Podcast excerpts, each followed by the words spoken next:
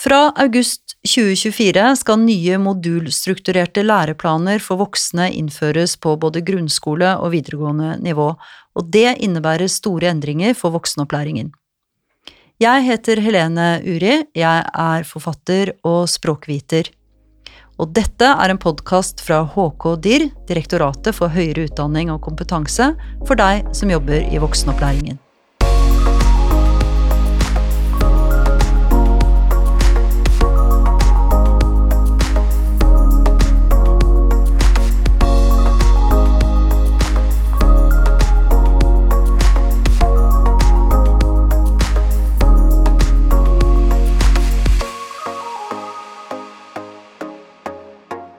I dagens arbeidsmarked vet vi at det er vanskelig å få en god tilknytning til arbeidslivet uten fullført videregående skole.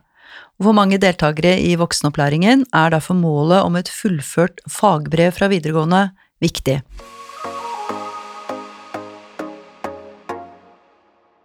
Men veien dit kan virke lang, fordi mange også trenger å lære norsk først. Og I denne episoden så skal vi høre om hvordan voksne som ønsker et fagbrev, kan tas inn i videregående opplæring allerede før de har fullført opplæring på nivået under. Og dette er prøvd ut i kombinasjonsforsøket, og vi skal kalle det kombinasjonsløp i en ny ordning hvor kommunen og fylkeskommunen samarbeider tett. Og jeg sitter her med to som har god erfaring fra kombinasjonsforsøket. En av dere fra fylkeskommunalt nivå og en fra kommunalt nivå. Og i dette forsøket så har deltakerne fått opplæring både på nivået under videregående og på videregående nivå samtidig, og i tillegg så lærer deltakerne norsk. Dette høres jo kjempekomplisert ut og kjempeavansert ut.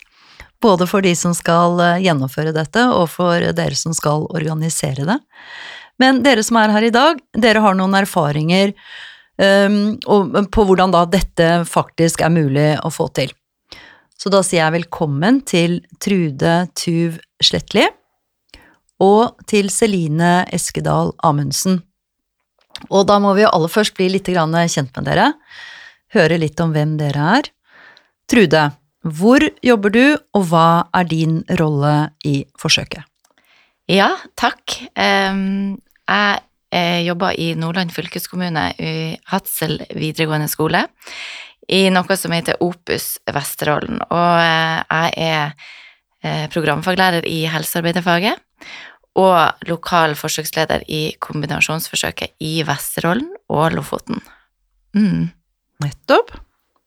Og Celine, du har nettopp byttet jobb, har jeg fått informasjon om. Eh, men hvor jobbet du før, og hva har din eh, rolle vært i eh, forsøket? Ja, fram til i sommer så har jeg jobba tre år på VIO skole i Vågan kommune, som er voksenopplæringa i Vågan. Eh, og da var jeg først lærer i kombinasjonsforsøket, og så har jeg i seinere tid blitt både lærer og forsøksleder lokalt.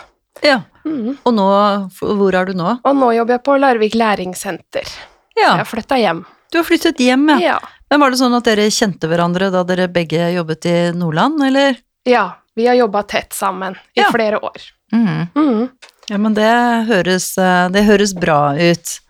Uh, og dere har jo vært med i dette forsøket, med kombinasjonsforsøket, i en del uh, år, og jeg har jo lyst til å høre om deres erfaringer uh, med dette, selvfølgelig.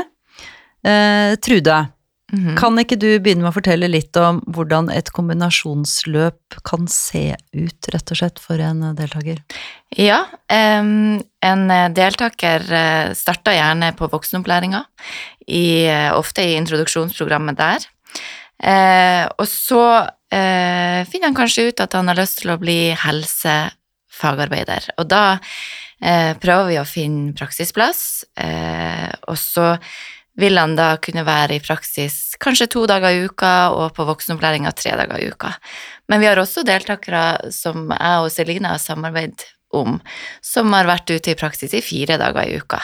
Oh, ja. Mm. ja. Så det er veldig ulikt. Eh, ulikt hvordan løpet legges opp, og, og, så er det jo veldig fint at det er fleksibelt, for da er det fokus på, på den enkelte deltaker og behovet Ja. til den.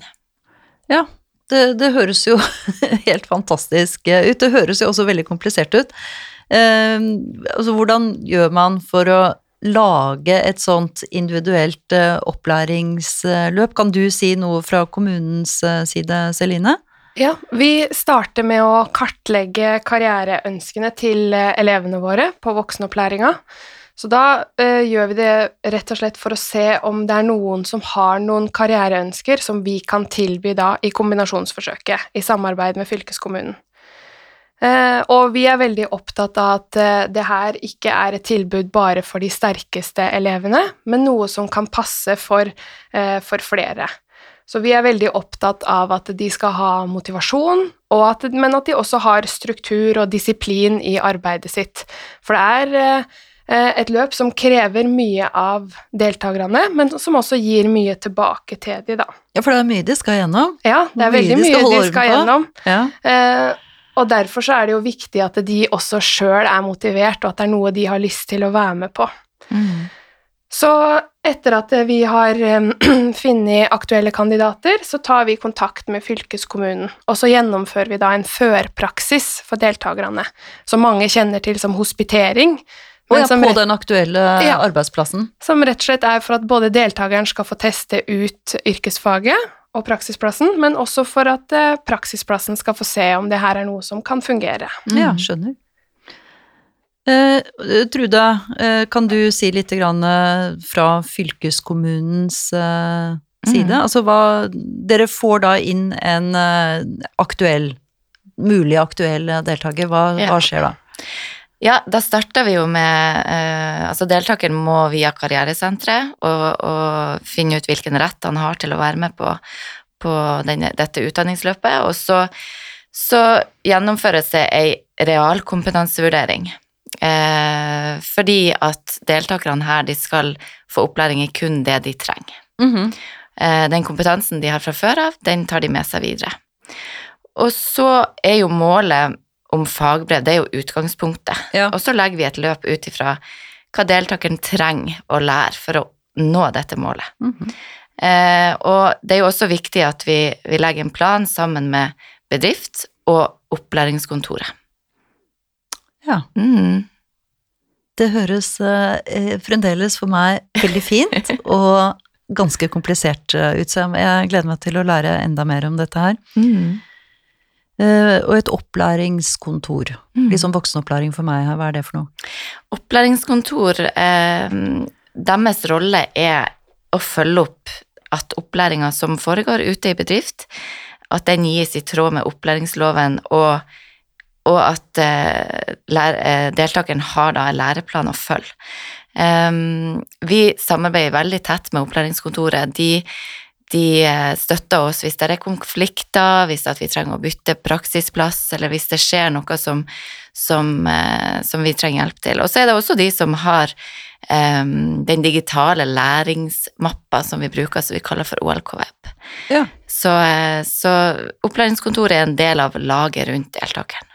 Ja, laget rundt deltakeren, det, det begrepet har jeg sett at dere bruker. Vi skal komme tilbake, vi skal komme tilbake til det.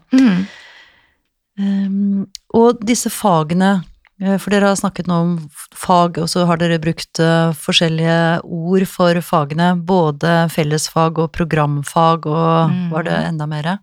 Hva, eh, jeg trenger litt opplæring her også, ja. Ja. Eh, for at opplæringa altså til deltakerne den skal jo inneholde både fellesfag og programfag fra videregående skole. Og hos oss så er det kommunene som tar ansvar for fellesfagene, mens programfagene, da er det programfaglæreren fra videregående som, som har ansvaret for det, da i samarbeid med, med bedriften. Eh, og Fordi programfagene, det er det som handler om det faget eller det, ikke sant, den retningen Yes. som deltakeren vil eh, inn på og ønsker å få oppnå dette fagbrevet i. Ja, Mm.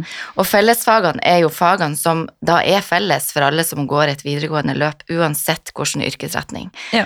Eh, eksempel norsk, samfunnsfag, engelsk, matematikk og naturfag. Og så er det jo sånn at voksne har jo størst motivasjon for å lære når det vi lærer er til nytte Ja. For oss. Eh, og sånn er det med fellesfagene nå, og disse fellesfagene de skal yrkesrettes. ja, nettopp. Mm. Så det vil si at den deltakeren som skal bli helsefagarbeider, han vil lære fagspråk og fagterminologi innenfor helsefaget. nettopp. Eh, og så sa jo du det med programfag, det er jo innenfor det yrket som del deltakeren skal utdanne seg til. Mm. Mm. Og så er det sånn at læreplanmålene innenfor fellesfag og programfag, de er henta ut ifra de ordinære læreplanene i de ulike yrkesfagene på videregående nivå. Ja. Så da er det kompetansemål både fra VG1 og VG2, og så jobber deltakeren med disse kompetansemålene, eller læreplanmålene, i praksis. Skriv logg i praksis, og så eh, lager vi også tverrfaglige oppgaver. Nettopp. Så en, altså deltakerne de får da opplæring i fellesfag og programfag ute i bedrift. Mm. Så det krever jo ganske mye av den eh, bedriften, da, og Ja. oppfølgingen der. Ja. Ja. Uh, og så skal du jo lære norsk. Også. De skal lære norsk eh, språk. Eh, Celine, kanskje du skal si litt mer om hvordan det gjøres? Ja, norsk som eh, håper jeg, alle de andre måla, så handler det jo om et tett samarbeid da, mellom kommunen og fylkeskommunen. Så vi i Nordland vi har gått for tverrfaglige oppgaver, som betyr at det tas mål fra både fellesfag og programfag, f.eks. da et helsefag, eh, og fra mål, mål fra nivå under videregående det som vi da kaller voksenopplæring, eller grunnskole for voksne. Nettopp. Så dette er egentlig tilrettelagt Det blir ganske mye skreddersøm, rett og slett? Ja, det blir veldig skreddersydd. Og grunnen til at vi har gått for tverrfaglige oppgaver, er fordi at i begynnelsen så ga vi, så ga vi oppgaver i, overalt, Ja. og eh, deltakerne fikk så mye å gjøre at de var jo utslitt etter dag tre. Og da tenkte vi at ok, vi skal prøve ut tverrfaglige oppgaver. Og det har fungert veldig bra. Eh, og det foregår på den måten at eh, fellesfaglærer og programfaglærer eh, sitter sammen med lærer fra grunnskole og planlegger de tverrfaglige oppgavene fra start til slutt, og vurderer de tverrfaglige oppgavene fra start til slutt. Og alt da i samarbeid. Og så har eh, vi gjort det litt annerledes i Vågan ved at eh, at eh, nivået under videregående, altså voksenopplæringa, har Ja. overtatt ansvaret for fellesfag på videregående nivå. Og det handla rett og slett om eh, geografi, at Mhm. deltakerne var nærmere oss, og ved at vi overtok fellesfaga, opplæring i fellesfag, så fikk deltakerne mer tid med lærerne sine og tettere oppfølging. Ok. Mm. Så norskopplæring er jo på sett og vis eh, alles ansvar. En kan jo si det at det er norsklæreren da, fra kommunen i vårt tilfelle, da, som har hovedansvaret for å vurdere Mm. eh, norskfaga, men fordi at vi har de tverrfaglige oppgavene hvor vi hele tida sitter sammen og planlegger og vurderer, så er også programfaglærer med på med på norsk, si opplæringen i norsk, da. Mm. Så vi kan vel ganske enkelt si det at eh, yrkesfaglærer ivaretar deltakerne i bedrift, mens programfaglærer, eller da lærer i voksenopplæringa, ivaretar på skolen. Mm. Og det gjør vi blant annet ved at eh, vi i Vågan, og flere steder, andre steder også i Nordland, så har vi kombi på timeplan. Ja. Så det betyr at tre timer i uka så kommer alle kombideltakerne til voksenopplæringa, og da får de veiledning med de tverrfaglige oppgavene fra norsklæreren sin, eh, og de jobber også med mål i norsk og samfunnsfag som ikke kan gjennomføres i bedrift. nettopp. Ofte fordi de er ganske teoretisk retta, da. Det er ikke like lett å få det til i, i praksis. Mm. Og dette krever jo veldig mye samarbeid eh, mellom eh, lærerne, da. Mm. Er, det, er det sånn at dere har man møtt hverandre, eller er det mye digitalt, eller hvordan er det det foregår sånn i praksis? Eh, Både og. Ja. Det kommer litt an på hvor, hvor programfaglærerne er stasjonert, for vår del, da, fra voksenopplæringa sin side.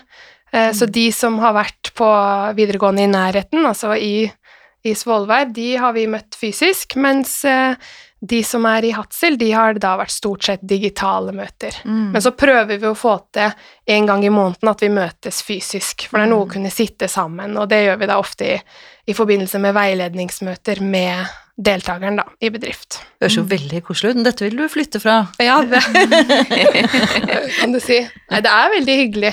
Ja. Og at man får jobbe med andre mennesker som en eh, ikke deler kontorbygg sammen med, det Ja. er veldig fint. Ja, altså for et felles mål som er så bra for de enkelte deltakerne. Mm, Ja. Alle drar liksom i samme retning. Ah. Mm. Men altså samarbeid mellom kommunene og fylkeskommunen er viktig, fordi at deltakeren skal ha opplæring på to nivåer, og de ligger jo da henholdsvis på kommunalt nivå og på fylkeskommunalt nivå. Eh, Så dette med tverrfaglige oppgaver, det høres ut til å være en ganske god løsning. Men samtidig så er det jo sånn at mye av selve opplæringen foregår ute i en bedrift. Så disse Mhm. bedriftene blir jo også en eh, viktig samarbeidspartner, og det skal vi få høre mer om nå. Fordi opplæringen eh, deltakeren får, foregår da stort sett ute i en bedrift. Så nå, nå må vi jo høre litt mer om disse bedriftene, eh, hva det er, hvem som jobber der, hvordan det fungerer, og hvordan dere rett og slett får dem til å bidra her. Eh, Trude, vil du starte med det? Ja. Um, Celine nevnte jo tidligere at deltakerne er gjerne i en førpraksis for å bli kjent med bedrift, og for at bedrift skal bli kjent med deltaker. Og det som ofte skjer, det er at bedriften ser at dette er en ressurs. Ja. Eh, og så vil de være med på det, og så finner de en som kan være veileder, som følger denne deltakeren og går sammen med den ute i praksis. Så en veileder fra bedriften? Ja. ja. Det kan være i helsearbeiderfaget, så kan det være en, en eh, helsefagarbeider, det kan være en sykepleier, eh, som går sammen med, med, med deltakeren, da. Eh, sånn at deltakeren går på topp, som vi kaller det. Mm. Er det sånn at det av og til tar litt tid å faktisk få folk til å forstå at det er en ressurs og ikke en belastning?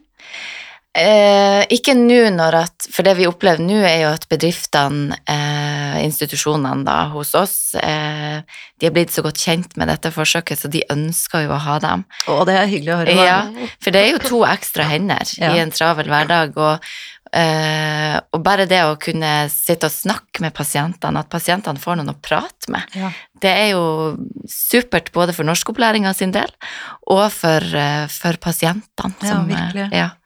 Så, eh, så veilederen er- har en kjempeviktig rolle, men det som også er fint her, er jo at, eh, at eh, de har med seg lærerne hele veien. Oh, ja. Så vi er jo med, både fellesfaglærer og programfaglærer er jo med eh, og støtter opp. Vi er på veiledningsmøter en gang i måneden cirka, eh, og tar oss av det faglige. Så veilederen har kun det store ansvaret, da, som er i praksis, å være sammen med deltaker. Mm, jeg skjønner. Mm. Ja, og hva med norskopplæringen, da? Hva skjer med eh, De skal jo lære norsk også? Mm. De er jo Altså, de lærer jo norsk ute i praksis, det er jo det vi ser. At Ja. i stedet for å sitte eh, to år på skolebenken, Mm. og så skal du ut to år i, i praksis. Disse lærer norsk kjemperaskt, både skriftlig og muntlig, fordi at de, de må prate. De er helt nødt til å prate. Og så tør de å prate, og så eh, skal de jo skrive logg. Og når de skriver logg, så må de bruke egne tanker, egne setninger, eh, egne ord, eh, egne refleksjoner. De kan ikke bare skrive rett ut ifra ei bok. Og den progresjonen som skjer da i norsk, den er helt fantastisk. Mm. Og da får de oppfølging og tilbakemeldinger på loggene sine, både fra programfaglærer og fra fellesfaglærer. Mm. Ja, snakk om nytte av eh, språkopplæringen. Da er vi ganske langt unna eh, Per kjøper salat. Ja. Ja. Eh, Celine, kanskje du kan si litt mer om dette laget rundt eh, deltakeren, altså dette teamet, hva det er, og ja, i det hele tatt forklare oss litt grann mer om det. Ja, det er jo noe som jeg, stadig har vært i utvikling, det laget rundt deltakeren fra vi starta for noen år siden og til nå. Og det vi har sett at fungerer best, er jo hvis vi kan slanke laget så mye som mulig, som vi Ja. liker å kalle det. At det er færrest mulig eh, ansvarlige rundt deltakeren. Og det handler eh, først og fremst for at deltakeren skal på en måte, at det skal bli eh, struktur for deltakeren, at den vet hvem den skal forholde seg til, og hvem som gjør hva. Eh, Men også for en bedrift, at ikke det skal være altfor mange mennesker inn. Det skal være en Mm. programfaglærer som holder kontakten med bedriften. Mm. Men så har det òg vært veldig fint for oss som er eh, ansvarlige i, i kombinasjonsløpet, at vi ikke er altfor mange, fordi vi må vite hvem som gjør hva. Og hvis Ja. vi kan være litt færre som gjør det, så, fungerer, eh, så har vi merka at det fungerer bedre, da. Så mm, det hvis man kan ha på en måte flere roller på en person, så har det fungert veldig godt eh, Mm. for vår del, da. Så jeg har f.eks. da både vært forsøksleder, men jeg har også vært kontaktlærer på voksenopplæringa for kombideltakerne. Og så har jeg vært fellesfaglærer, eh, og da i tillegg også norsklæreren til deltakerne på nivå under videregående, da. Så man får mange hatter, men det gjør også at du har mye bedre kjennskap og mer kontroll på kombinasjonsløpet. Ja, det høres ut som du, du har jobbet eh, døgnet rundt, men, eh, du, men jeg skjønner at det, de forskjellige hattene kan has på litt eh, samtidig òg, da. Ja, det er mye som går Mm. inn i hverandre. Ja. Og så må man jo tenke bærekraft. Altså det må jo kunne fungere. Ja. Ressurser og bærekraft. Mm. I tidligere episoder om modulstrukturert opplæring så har vi hørt at eh, deltakere med behov for å lære norsk språk får dette integrert i opplæringen. Eh, Og det har jeg lyst til å høre litt mer om nå fra deres eh, perspektiv, Trude og Celine. Så kan ikke dere si noe mer konkret om opplæringen i norsk som en del av det dere forteller om? Ja. Eh, Det som er viktig å huske på, er jo at eh, deltakere i kombinasjonsløpet, de har jo også ordinær norskundervisning på eh, nivået under videregående, altså på grunnskolenivå. Så det er jo ikke det at fordi de tas ut i kombinasjonsløpet, så, så mister de all rett til, til språkopplæring. Det har de fremdeles. Men så er det også viktig å huske på at eh, når de er ute i praksis, som Trude nevnte i stad også, så får de så mye verdifull trening i de autentiske situasjonene, hvor de får bruke Mm. språket sitt, og de får oppfølging, og de er rundt mennesker som vet hva slags situasjon de er i. De har en veileder som vet hva slags løp de, eh, de går, og de har lærere også rundt seg som, til å veilede, da. Men stort sett så er jo ikke norsklæreren der Nei. og fotfølger og løper rundt eh, når de er ute på, i bedrifter, men eh, de lærer norsk likevel. Ja, for det er noe med å komme ut i situasjoner hvor du må bruke språket ditt, rett og slett. Og så mener jo vi også det at det ved å ha ehm, ved å ha kombitid på timeplan, så sikrer du også den norskopplæringa, altså språkopplæringa, da, ved at de kan få hjelp, at ikke de bare skal gjette seg fram til hva som er riktig svar, eller hvordan de skal tolke de tverrfaglige oppgavene eh, som de får, eh, men at de, at de får den veiledninga og støtten som de trenger, da. Vil du si noe mer om deltakere som lærer norsk ute i bedriftene? Ja, eh, altså vi ser jo når de er ute i praksis, så, så lærer de De lærer ikke bare norsk, men de lærer jo dialekter. Eh, og der er det mye rart. Og, og vi har jo et språk med veldig mange morsomme og rare ord og uttrykk, og det har vi jo mange gode eksempler på. eh, deltakere som, som virkelig har misforstått, og det blir fliring av det, det er men, men de lærer jo språk på mange mulige måter. Ja, altså humor er jo aldri galt. Og, så, og det som er artig, er at det vi også ser, er jo at Der sa du det, det med humor. De utvikler også den, eh, den humoren. Ja. Eh, den norske humoren, hvis det går an å si det. Og det er jo også språk. Så, eh, det, og spesielt i, i Nord-Norge, der er det masse, masse rare ord og uttrykk rundt omkring på sykehjemmene, altså. Det, det skal sies. Nei, så de lærer norsk hele tida eh, ute i praksis, og det er kjempebra. Det, det, altså for meg så høres jo dette helt uh, fantastisk uh, ut, og også en så stor fordel for da de som ønsker å ta dette fagbrevet Mm. og komme seg ut i arbeidslivet så fort som eh, mulig. Jeg er jo litt spent på om dere har noen uh, eller sånn konkrete deltaker-elevhistorier, om noen som har eh, lykkes og fått det til, og hvordan det Mm. Ja, fortell. Ja, altså vi er litt stolt. Vi har jo eh, fire beståtte fagbrev nå i Nordland i kombinasjonsforsøket. Eh, men det har jo også vært utfordrende. Eh, vi har eh, hatt ei som eh, starta på helsearbeiderfaget i Nordland, eller i Hadsel. Og i løpet av førpraksisen, førpraksisen så fant både hun og praksisplassen ut at nei, dette var kanskje ikke helt riktig for henne. I tillegg så jobba hun som renholder på si. Mm. Og da når vi fortalte henne at det går faktisk an å ta fagbrev som renholdsarbeider, så løsna det for henne. Ja. For det å, å, forstå at et fagbrev som renholdsarbeider er like mye verdt som et mm. fagbrev som helsefagarbeider. Eh, så nå går hun eh, renholdsarbeiderfag i stedet. Ja. Så, eh, så vi, finner, vi finner gode løsninger for den enkelte. Og så er det også sånn at vi får veldig mange gode tilbakemeldinger fra fagprøvenemnda. Eh, deltakerne gjør det kjempebra. Mm -hmm. eh, det er jo absolutt ikke sånn at dette er en light-versjon av ordinære fagbrev. Eh, det er det absolutt ikke. Eh, det fagprøvenemndene sier, er at de er veldig godt rusta når de kommer opp til fagprøven, for det her er jo faktisk den samme fagprøven de tar som de ordinære lærlingene. Nettopp. Ja. Mm -hmm.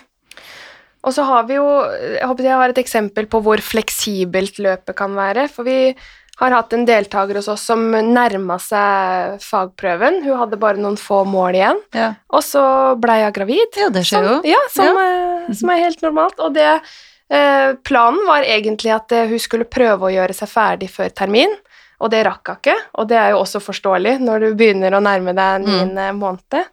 Så det vi gjorde der da, er at hun pausa løpet sitt, eh, og så er planen at eh, når hun da eh, kommer tilbake fra permisjon, så skal være en kort periode i praksis igjen, bare for å komme litt inn i det og koble seg på igjen etter permisjonstida, og så skal da gå opp til fagprøven. Mm. Mm.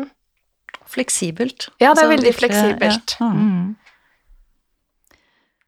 Så eh, Men det høres jo Altså, dere forteller jo rene solskinnshistorier, og mm. dere sitter jo her og putrer av entusiasme. Jeg, jeg får jo veldig Altså, jeg blir, jeg blir jo veldig glad av å, å, høre på dere, rett og slett. Men samtidig så høres det jo Det er jo komplekst. Altså, det er jo mange instanser som skal ta en del i, i dette. Ikke sant? Det er mm. mange, mange som skal være med, og mange som skal Mange eh, rett og slett eh, på forskjellige nivåer som må være involvert i det. Mm. Men sånn alt i alt, hvordan har det vært å være lærere i et slikt eh, kombinasjonsløp? Altså, det er jo um, Man må tenke utenfor boksen. Man må tenke mindre skolsk, eh, og man må være fleksibel. Eh, det er jo ikke sånn at vi følger en fast opplæringsplan. Eh, den lever. Den lever fra møte til møte, og vi mm. oppdaterer den, og vi, vi er den skal være individuelt tilpassa, men det er virkelig en drømmejobb. Alle er så takknemlige. Det her er voksne mennesker som er så takknemlige, og når de ringer og forteller at 'jeg besto på fagprøven', da går det ikke an å holde igjen tårene. Det er helt fantastisk. Og tenk at vi får lov å være med på å hjelpe folk med å realisere drømmene sine. Mm. Det, er, det er fantastisk. Men det, det, man må tenke annerledes enn en vanlig lærer. Celine? Ja, nei, jeg er helt enig i det Trude sier. og Altså, det er en veldig variert uh, hverdag med, med jeg håper si, nye impulser hele tida, og jeg har vært på betongkurs med deltakere og, ja. og mye forskjellig, men jeg syns jo det er en veldig spennende måte å jobbe på. Jeg syns jo det er artig å gjøre noe annet enn bare å være det i klasserommet også, at man kan mm. ta klasserommet ut til andre arenaer. Mm. Um, og jeg tror at um, noe som har fungert veldig godt hos oss, er det at eh, jeg som lærer da ikke har hatt alle timene mine eh, timeplanfesta. For det gir jo meg noe fleksibilitet også til hvor og når jeg kan ha oppfølging av kombideltakerne.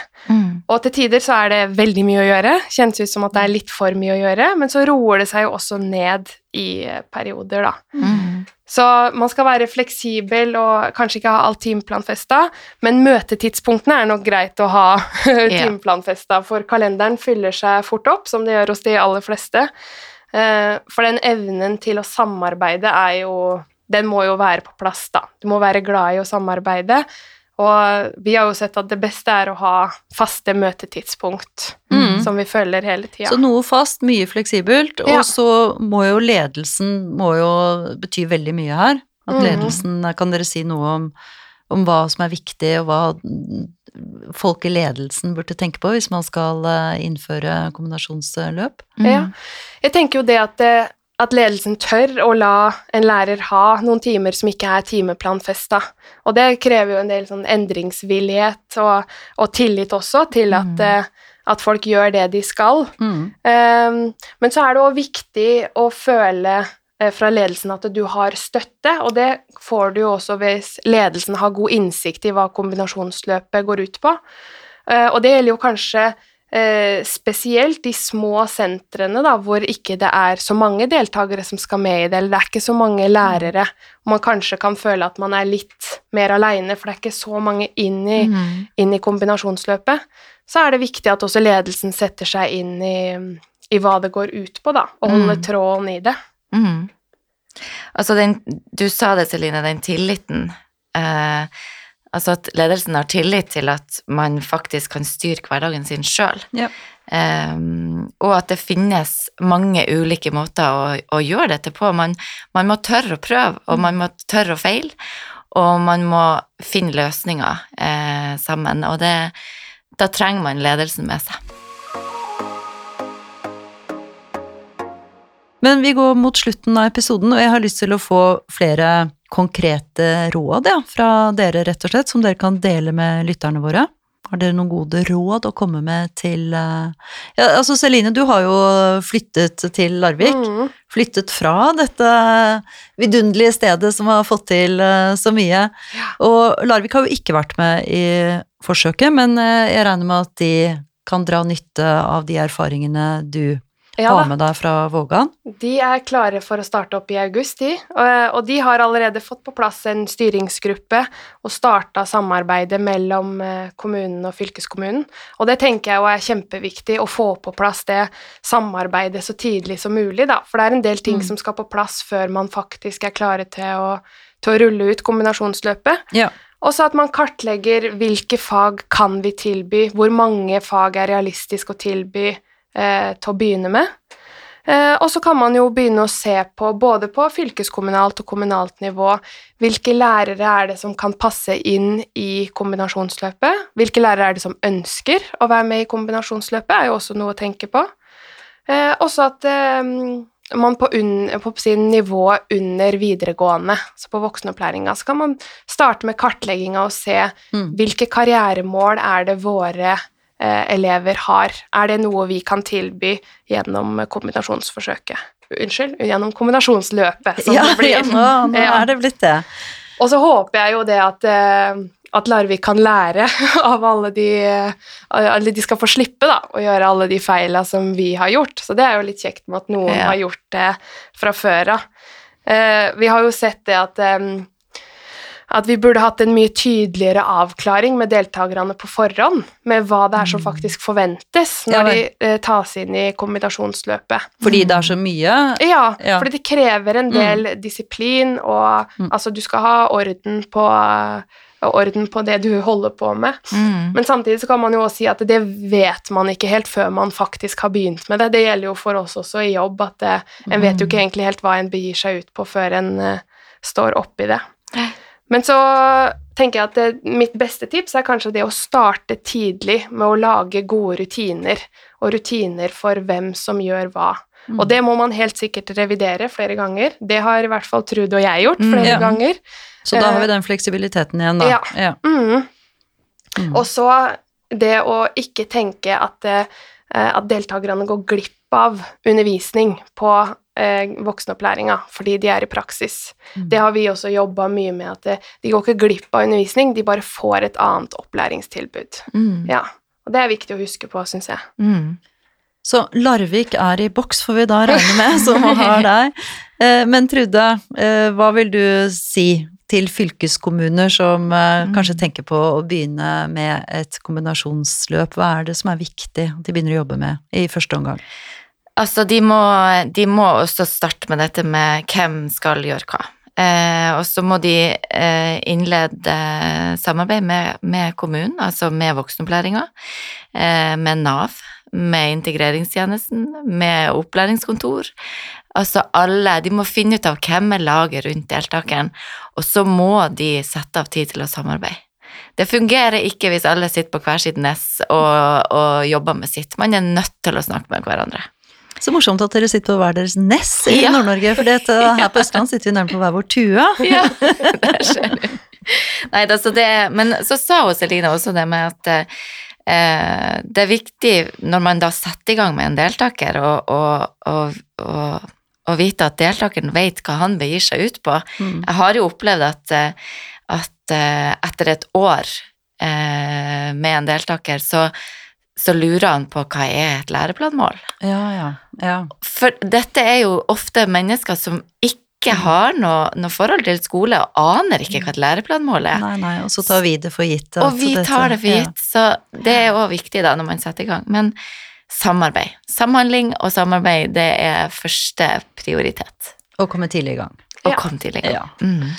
Tusen, tusen takk til eh, dere, til Trude og Celine. Det har vært så morsomt å høre på, og som jeg har sagt allerede minst én gang, jeg blir veldig godt humør av dere, rett og slett, å høre om erfaringene deres.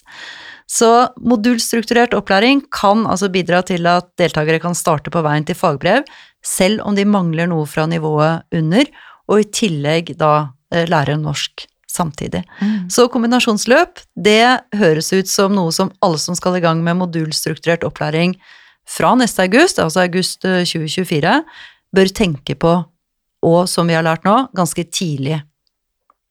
Mm. Da, uh, dette var tredje og siste podkast i denne runden, så til neste gang. Vi høres. Takk for oss.